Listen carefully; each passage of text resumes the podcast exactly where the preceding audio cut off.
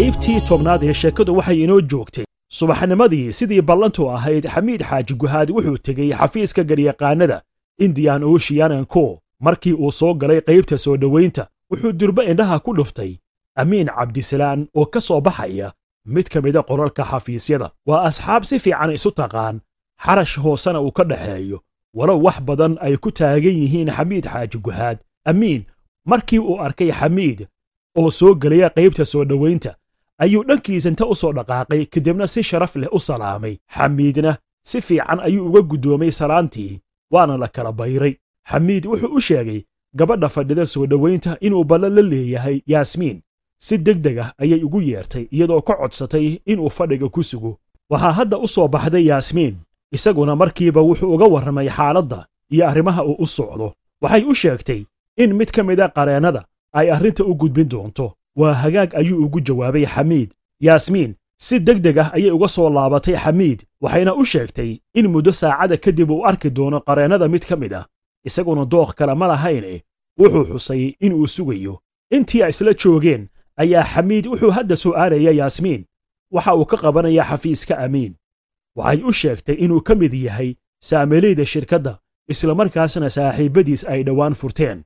Xamiid shaki ayaa ku dhashay iyo in uu kala kulmi karo caqabad amiin xaggiisa maadaama uu yahay nin godob isku og. Waxaa qalbigiisa ku soo dhacaysa weydiimo kala duwan isagoo ku fakaraya in maryam uu la wadaaga arrinta iyo in aan u sheegin. Isagoo sidaasi u fakaraya ayaa waxaa dareentay yaasmiin oo weydiinaysa xamiid waxaa iska beddelay markii ay arrinta u sheegtay. Isaguna si deg deg ah ayuu isku dayey inuu sheekada la qabsado oo uu ka soo laabto isla hadalka. Yaasmiin waxay ka war haysaa xaaladda jirta iyo wixii horay u dhacay. Waxay og tahay in amiin aanu ahayn nin xumaato jecel oo aargoosi la maagan reer xaaji guhaad. Arrinta yaasmiin ay sheegayso xamiid xaaji guhaad way la ahaan weyday waana uu rumaysan la'yahay iyagoo sheekadoodii wata ayaa loo baaqay xamiid inuu u gudbo xafiiska qareen abtidoon oo ah qareenka ay saaxiibbada yihiin amiin. Markii uu u galay ee uu uga sheekeeyey xaaladda dacwadda aabbihiis loo haysto wuxuu qareenku ballan qaaday in uu dadaali doono inta karaankiisa ah islamarkaasna dacwadda ay u geli doonaan hab taya sare leh. Kulankoodii ayaa sidaasi ku soo idlaaday. Xamiidna wuxuu toos u soo abbaaray guriga aabbihiis isagoo u mahad celinaya yaasmiin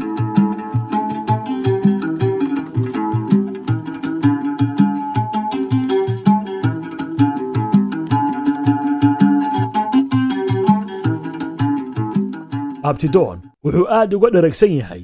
Dhibaatada ay reer xaaji guhaad u geysteen amiin. Wuxuu isagoo faraxsan oo qoslaya uu u soo galay qol ay ku jireen. Amiin iyo asxaab kale oo shirkadda ka mid ah. Waxaana si la yaab leh uu u leeyahay. War ma og tihiin asxaabay waxaa maanta inoo yimid xamiid xaaji guhaad oo aabbihiis inaan difaacna doonaya. Waa sida ugu fiican ee maanta aad uga aargoosan karta amiinow. Waayo qoyskaasi noloshaada waxay isku dayeen inay burburiyaan. Inaan difaacay iska daaye waxaan ku hubsan doonaa inuu galo xabsi xaaji guhaad. Isagoo weli hadalkii wada aadna u qoslaya ayaa waxaa hadda hadalkii qaatay amiin wuxuuna ku yidhi asxaaba imaqla arrinta sidaas ha u maaraynina. Aniga khibrad uma lihi sharciga balse waxaan idinka codsanayaa inaad arrintaasi wixii aniga igu saabsan oo argoosi ah aan loo geysan xaaji guhaad iyo reerkiisa. Arrintii dhacday anigu waxaan u sameeyey tanaasulka maryam iyo hooyadeed. Xamiid laba nin ayaynu nahay balse meesha waalid ayaa soo galay. Wax ka weynna ma jiraan waxaan mar labaad idinka codsanayaa. Inaad si kasta oo aad ku difaaci kartaan xaaji guhaad aad isaga ugu hagarbaxdaan. Yaab iyo amakaag ayaa dhacay. Waxaa dadkii qolka ku jiray ka soo hartay in laysdhugto oo indha yaab iyo dhaygag leh laysku eego. Waxaa lala yaaban yahay sida amiin uu u ilaaway dhaawicii iyo mahadhadii ka soo gaartay reer xaaji guhaad oo magac maamuus iyo maal u adeegsaday inay kaga marooqsadaan mataantiisii caashaqa ee muddada dheer uu muxubaysanayay. Yaasmiin oo ka mid ahayd asxaabtii qolka ku jirtay waxay soo jeedinaysaa hadal u eg kan amiin iyadoo u raacisay asxaabta in arrinka sida amiin uu u soo jeediyey ay u aragto ayna ku taageerayso waxaana sidaasi lagu go'aamiyey in hadalka amiin loo dheg raariciyo oo la ayido maryam oo fadhida jardiinka hore ee guriga xilli casarliiq ah oo ay qorraxdu baalka sii dhigayso halka ay u hoyato waxa u yimid xamiid oo aad wejigiisa ka dareemayso diifta ka muuqata. Wuxuu madluun ka yahay sidii qiimaha lahayd ee uu ugu soo dhoweeyey xafiiska qareennada amiinkii uu silaca baday waxaase aanu ogayn in amiin uu u dagaalamayo in la badbaadiyo aabbihiis xaaji guhaad oo saddex maalmood ku tegi doona maxkamadda. Maryam oo fahmaysa in xaalad adag uu ku sugan yahay saygeeda ayaa waxay weydiinaysaa waxa soo kordhay. Waxaana ugu jawaabay in wax weyn aanay jirin balse uu ka walwal qabo maxkamadda aabbihiis oo ay ka dhiman tahay toddobaatan iyo laba saacadood iyadoona si deggan ayay ugu warcelisay in wax walba ay qayr ku dhammaan doonaan. Inkastoo maryam hadalka soo goysay haddana xamiid waxaa ka guuxaysa in uu maryam la wadaago arrinta amiin ee uu lugta ku leeyahay xafiiska qareennada si ay uga bixiso talo cabbaar ayuu aamusan yahay.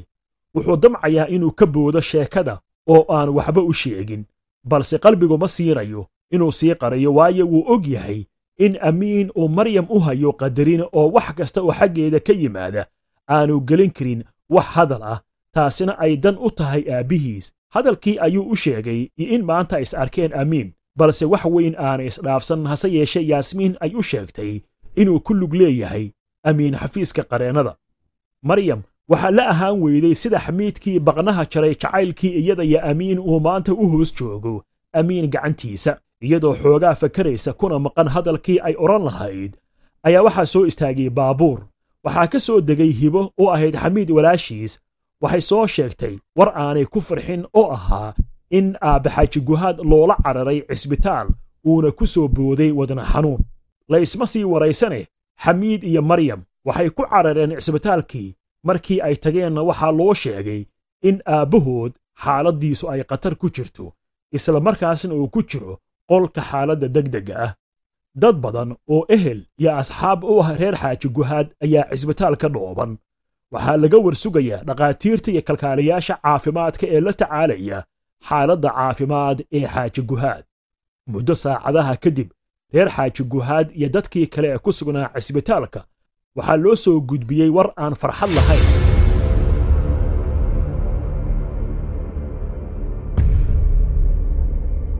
Oo ah in xaaji guhaad uu xijaabtay oo tii alleh oo aan laga waaban karin ay u timid qaracan iyo oohin ayaa goobtii isqabsaday.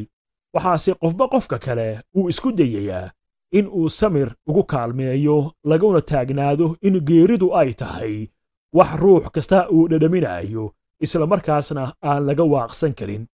Maydka xaaji guhaad waxaa la geliyey qaybta qaboojiyaha waxaana lagu ballamay in berri la aaso. Sidii ayaa looga soo tegay cisbitaalkii iyadoo murugo iyo tiiraanyo u gaar tahay qoyska reer xaaji guhaad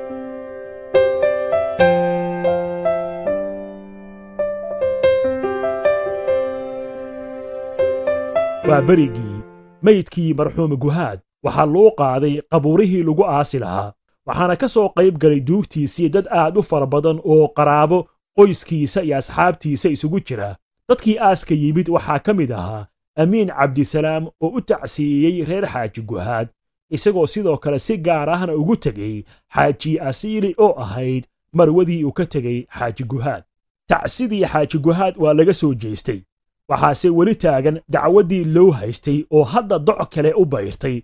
Waa iyadoo xeeradhalyaha qaranka uu ku soo oogay dacwad dadka mas'uulka ka ah hantida xaaji guhaad uu ka tegey gaar ahaan shirkadda uu madaxda ka yahay xamiid ee daawada.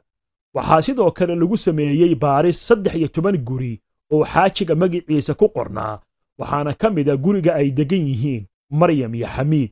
Inkastoo xaaji guhaad uu isku midhay hantidiisa iyo tan awlaaddiisa.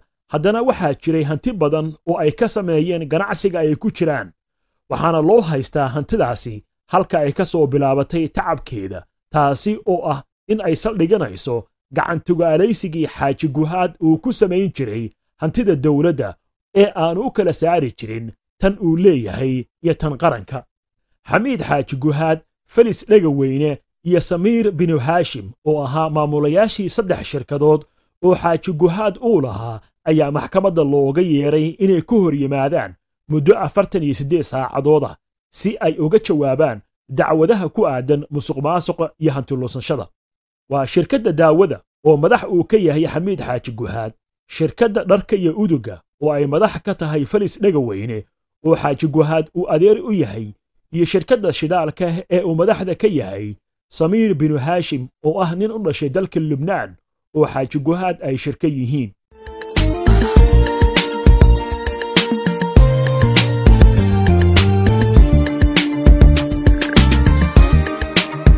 Talow hadda faraha way ka baxday.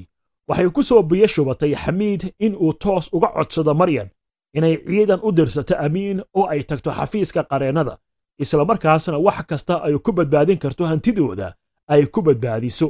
Waxaase xamiid ka lunsan in haddii dacwadu xumaato oo eedeymaha dhankooda ay u rogmadaan in isaga qudhiisa uu xabsi mutaysan karo. Maryam iyo xamiid waxay tageen xafiiskii qareennada waxayna u sii sheegeen yaasmiin in arrintooda ay uga warranto qareennada maalinkaas shaqo ayuu lahaa amiin oo ma joogin xafiiska. Waxaase ku sugnaa qareennadii kale ee faylka dacwadda bilowgeedii diyaariyey. Waa adduunyaya xaalkeediiyo xafiiskii uu ku lugta lahaa amiin. Saaka waxay baahi soo fariisisay xamiid oo maryam garabsanaya. Waxaa sidii loogu ballan qaaday amiin loo soo dhoweeyey martidii taageerada u baahnayd si wanaagsan iyadoo habka dacwadda difaaceeda loo gelayana la diyaariyey. Xamiid iyo maryam si sharaf leh ayaa loo soo dhoweeyey. Waxaana loo sheegay habka dacwadda difaaceeda loo marayo iyadoo la isku afgartay in laba qareen oo ka mida kuwa ugu khibradda badan xafiiska ay tagaan maalinta maxkamadda taasi oo hawraarsan lagu soo afjaray maryam iyo xamiid waxay hadda ka soo baxayaan xafiiskii iyagoo dhammaystay arrimihii ay u socdeen. Waxa iyagoo sii baxaya yaasmiin ay u sii sheegtay si hoose inaanay welwelin maadaama amiin aanu ku tala jirin wax aargoosiya uuna si daacada ula ballamay asxaabtiisa inta karaankooda ah inay difaacaan reer xaaji guhaad. Subax arbaco ah oo cadceeddu ka lahsan tahay xilli horena fallaaraha ku sayrinayso cirka daruurahana si teelteel ah ay u muuqdaan ayaa waxaa loo soo dhaqaaqay xagga maxkamadda iyadoo dhinacyo kala duwan laga imaanayo. Waa reer xaaji guhaad oo ugu horreeya xamiid madaxda kale ee shirkadaha aabiis leeyahay qoyska iyo qaraabada oo maxkamadda dhegaysigeeda u socda qareennada difaacaya reer xaaji guhaad. Dacwad oogayaasha reer xaaji guhaad oo ugu horreeyo xeer ilaaliya sarcad oo dacwadaha uu soo gudbiyo ay yihiin kuwo ay adag tahay in lagu jebiyo waa dacwad ooge da'diisu dhaaftay lixdan. Noloshiisa kala barna wuxuu ku soo qaatay golajoojinta dadka dembiyada culus loo haysto. Kuwa xisaab xilmelehda lagu soo oogo. Kuwa musuqmaasiqa ku kaca. Faldembiyeedka waaweyn sida dilka kufsiga xatooyada xoolaha dadweynaha qaranka iyo kuwo kale. Dacwad ooge sarcad. Markuu dacwadaha gelayo weligiis niyadda ma gashan in faylkiisa indhaha looga dhufto. Dadka la sheekaystaa waxay ka soo xigtaan in uu had iyo jeer isku kalsoon yahay oo uu kadinka maxkamadda ka soo galo isagoo qofka ama kooxda dacwadda uu ku soo oogayo albaabka uu ka saaro iyagoo jeebaysan.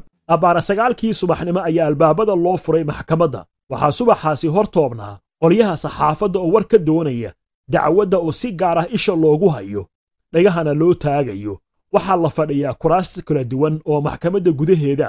Waxaa qaybta hore ee soo jeedda loogu tala galay xeer beegtida ugu horreeyo dacwada qaadaha iyo labadiisa kalkaaliye. Welise ma soo gelin qolka maxkamadda. Qaybta midig waxaa fadhiya dacwad oogayaasha ugu horreeya xeer ilaaliya sarcad oo ay la socdaan saddex xubnood oo kale oo muraayaduhu sanka u saaran yihiin kuwaasi oo shaariba dhaadheer. Sigaarna cabbaya islamarkaasna indhaha uun mirig mirig ka siinaya. Dan aan ka ahayn inay qof xabsi u diraan mooye. Mid kale ma jirto. Haddii cabbaar la joogana sigaar ayay ka bulsiinayaan geesta bidix waxaa fadhiya garyaqaan abtidoon iyo afokaata macow. Waa garyaqaanno ka soo baxay mid ka mid a jaamacadaha dunida ee xagga shuruucda ugu sarreeya. Waxaa sidoo kale wehelisa ismahaan oo xoghayn ahaan ula socota koshana ku sidata buugaag dhowr ah oo qaanuunka ka hadlaya iyo faylal tiro badan. Kuraasta dhexda ee dadka la soo gola joojiya fadhiistaanna waxaa fadhiya xamiid xaaji guhaad felis dhegaweyne iyo samiir binu haashim oo saddexda shirkadood ee xaaji guhaad uu lahaa madax ka ah. Waxaa sidoo kale qaybta gadaalo fadhiya ehelada iyo qoyska reer xaaji guhaad oo ay ka mid tahay maryam iyo dacwad dhegaystayaal kale oo ay saxaafaddu ka mid tahay kuwaasi oo hoolka maxkamadda wixii ka dhaca qorshahoodu yahay inay adduunka u sii gudbiyaan. Hal mar ayaa la wada istaagay dhammaan dadkii hoolka fadhiyey waxaa soo galay kooxdii garsoorka ee dacwadda dhegaysanaysay oo uu ka mid yahay guddoomiyaha maxkamadda axmed nadiif iyo kalkaaliyaashiisa oo kale ah sheekh cabdiwahaab iyo dhakhtar dhoongooye guddoomiyihii iyo kooxdii la socotay waxay fadhiisteen kuraastii loogu tala galay waxaana la bilaabay in laga codsado eedaysanayaasha inay isi sheegaan isla markaasna kooxda dacwadda ku oogaysaa ay hadalka bilaabaan iyagoo soo bandhigaya dacwadda ay ku soo oogeen dadka eedaysanayaasha ah iyo caddaymaha ay haystaan. Xeer ilaaliya sarcad ayaa hadda hadal ka qaatay isagoo muraayadaha indhaha uu sitay jaabka inta gashaday wuxuu kala soo baxay. Mid kale oo akhriska loogu tala galay oo ay xarga ka laadlaadaan isagoo okiyaalihii sii xidhanaya ayuu la soo baxay faylal ay ka buuxaan. Waraaqo ciiddaas ka badan oo ay ku qoran yihiin dacwadda uu ku soo oogay maamulayaasha iyo hantida xaaji guhaad waxaana uu u akhriyey mid mid waxaana ka mid ahaa kow. Dacwaddii loo haystay xaaji guhaad oo lugaha la soo gashay hantidii xaaji guhaad sida guryihiisii shirkadaha ku qornaa magaciisa iyo hantida kale ee muguurtada iyo guurtada ah. Labo maamulayaasha shirkadaha xaaji guhaad ee ay ku midaysan yihiin xaaji guhaad ansanis group of companies oo iyagoo ka faa'iidaysanaya mas'uuliyadda iyo magaca wasiir xaaji guhaad canshuuro fara badan oo ku waajibay ka gaabsaday inay bixiyaan islamarkaasna dalka ka dhoofiyey soona dejiyey hanti badan oo canshuuro ku waajibeen oo ay musuq maasuqeen saddex shan guri oo ka mid a guryaha xaaji guhaad oo laga dhisay dhul dowladeed oo aan u haysan sifo sharci ah islamarkaasna aan loo marin hannaan beecin rasmi ah oo tartan loo galay balse uu ku qaatay laaluush bixin iyo masab dowladeed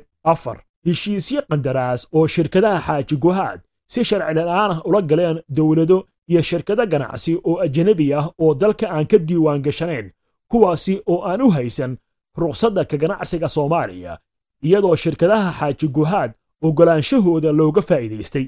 Dacwadahaas halistooda leh ayaa xamiid iyo labadii xubnood ee la socotay lagu soo oogay waxaana xeer ilaaliya sarcad uu ka codsaday guddoomiyaha maxkamadda in isagoo qadarinaya dacwad oogayaasha caddaymaha ay soo gudbiyeen iyo danta guud ee qaranka ee ilaalinta sharciga uu dalbanayo in min toban sano oo xariga lagu rido saddexda xubnood. Islamarkaasna hantida maguurtada ee xaaji guhaad la qarameeyo. Sidoo kalena shirkadaha xaaji guhaad hantida lagala wareego lana xalaasho islamarkaasna gaadiidka ku qoran magaca xaaji guhaad dhammaantood la xalaasho ama hanti dowladeed loo wareejiyo. Xeer ilaaliya sarcad isaga oo kiyaalihiisii uu sitay miiska sii saaraya ayuu hadalkii ku soo wareejiyey guddoomiyaha maxkamadda waxaana hadda guddoomiyuhu uu ka dalbanayaa qarinada difaacaya reer xaaji guhaad in iyaguna ay soo jeediyaan eedeymaha waxa ay ku difaacayaan